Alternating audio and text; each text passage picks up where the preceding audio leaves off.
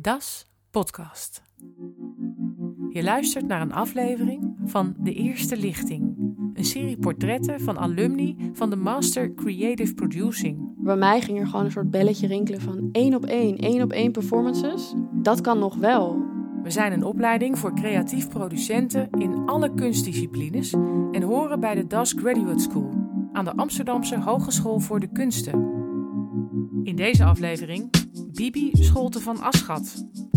Op het moment van de opname voor deze podcast werkt ze aan een project voor het Amsterdam Museum.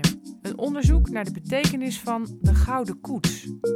Ook is ze bezig met een publicatie over creative producing. Ik was net klaar met mijn studie kunstgeschiedenis. Had een stage gelopen bij het Stedelijk Museum Amsterdam. En daarna ook aan de slag gegaan daar als freelancer. Dus ik was al een beetje werkzaam in de praktijk. En ik dacht, ik voel een behoefte om mijn theoretische achtergrond te combineren met een soort praktisch, ook een beetje het ondernemerschap. Ik heb toen een tentoonstelling opgezet samen met een vriendin binnen de UVA bij Foxpop. Uh, een soort van de tentoonstellingsruimte van de geesteswetenschappen faculteit. Ja, eigenlijk dacht ik, ik vind dit, het zelf organiseren, het zelf opzetten van projecten vind ik ontzettend leuk. Maar um, ik heb daar instrumenten voor nodig. Enerzijds theoretische kennis en omdat het ook ging over ondernemen, over auteursrecht. Uh, zoveel dingen waar je tegenaan loopt in de praktijk. Daarom, ja, daarom werd ik heel erg getrokken door deze opleiding eigenlijk. Dat visiestuk schrijven, ik vond dat echt heel moeilijk eigenlijk. Klinkt ook gelijk zo heel groot. En ik denk dat ik daar ook een beetje door schrok. Ik dacht van, oh, dit moet zo allesomvattend. Mijn hele leven moet erin samenkomen. Maar ja, ik denk dat je het juist een beetje moet relativeren ook. Dat jij nadenkt over uh, waarom wil ik doen wat ik doe. Uh, en hoe ben ik daar ooit bij gekomen? Dat je een beetje gaat graven ook gewoon in jezelf. En de focus ligt wel binnen dat visiestuk meer op op het waarom en, en op waardes. Welke waardes vind je belangrijk en wil je dat in jouw werk terugkomen? Nou ja, uiteindelijk is dat visiestuk er dus wel gekomen en heeft het me heel veel gegeven.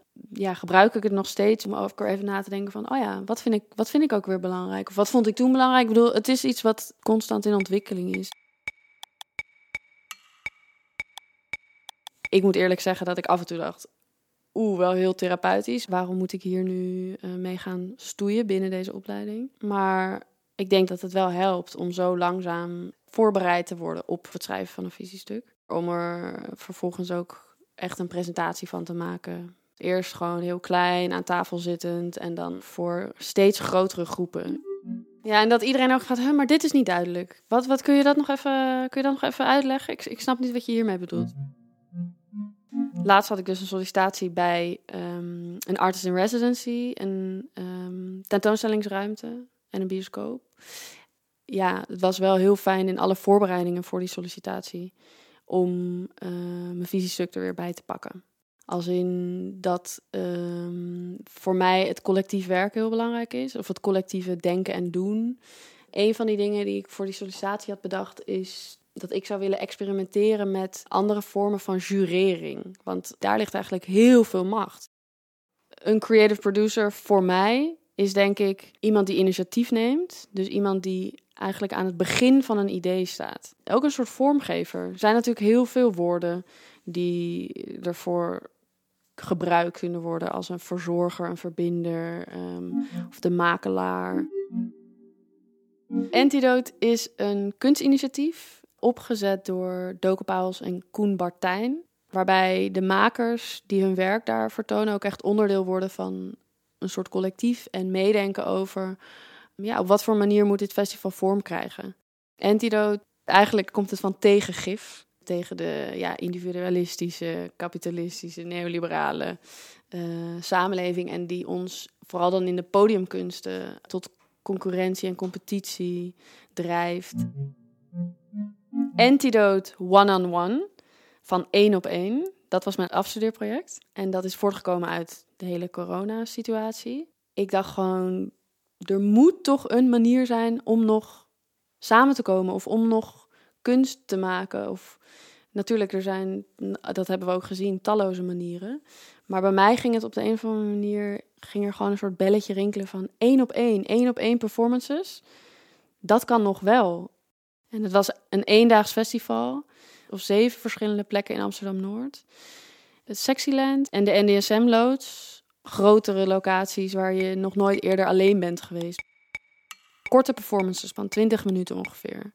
Het idee was dat je echt van plek naar plek kon fietsen of lopen. En dus meerdere performances achter elkaar kon zien. Ja, je bent ook kwetsbaar als, als toeschouwer. Ik denk dat ik dat er ook wel spannend aan vond. Door de hele coronaperiode had ik me aangemeld bij Voor elkaar. En dan kunnen buurtbewoners kunnen zich daarvoor aanmelden om hulp aan andere buurtbewoners te geven of om hulp te krijgen. En van de zomer hadden ze een soort open call voor ideeën om de zomer in de baarsjes waar ik woon in Amsterdam gezelliger of aangenamer te maken. En daarbij zeiden ze ook van vooral kinderen zijn het zwaarst getroffen door de coronacrisis en ouderen eigenlijk. Toen dacht ik, hé, hey, uh, waarom niet radio maken met kinderen of radio, misschien podcast, uh, waarbij die kinderen ouderen gaan interviewen over hoe ze de coronatijd ervaren. En de kinderen leren dan ook hoe ze moeten interviewen, hoe ze moeten editen, hoe ze geluidjes kunnen toevoegen. Kinderen van 12, 13, 14 ongeveer.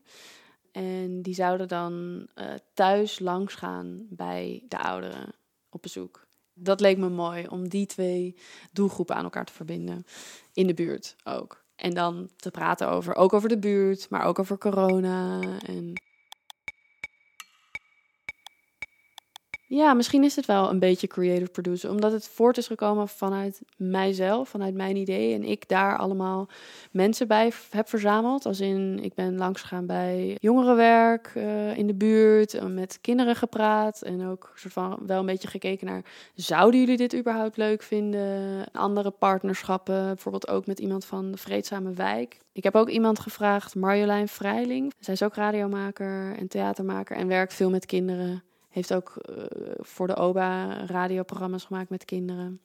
Dus nou zo is wel weer die rol van soort mensen aan elkaar verbinden, komt er wel weer in terug. Ja. Je luisterde naar een aflevering van De Eerste Lichting van Das Podcast.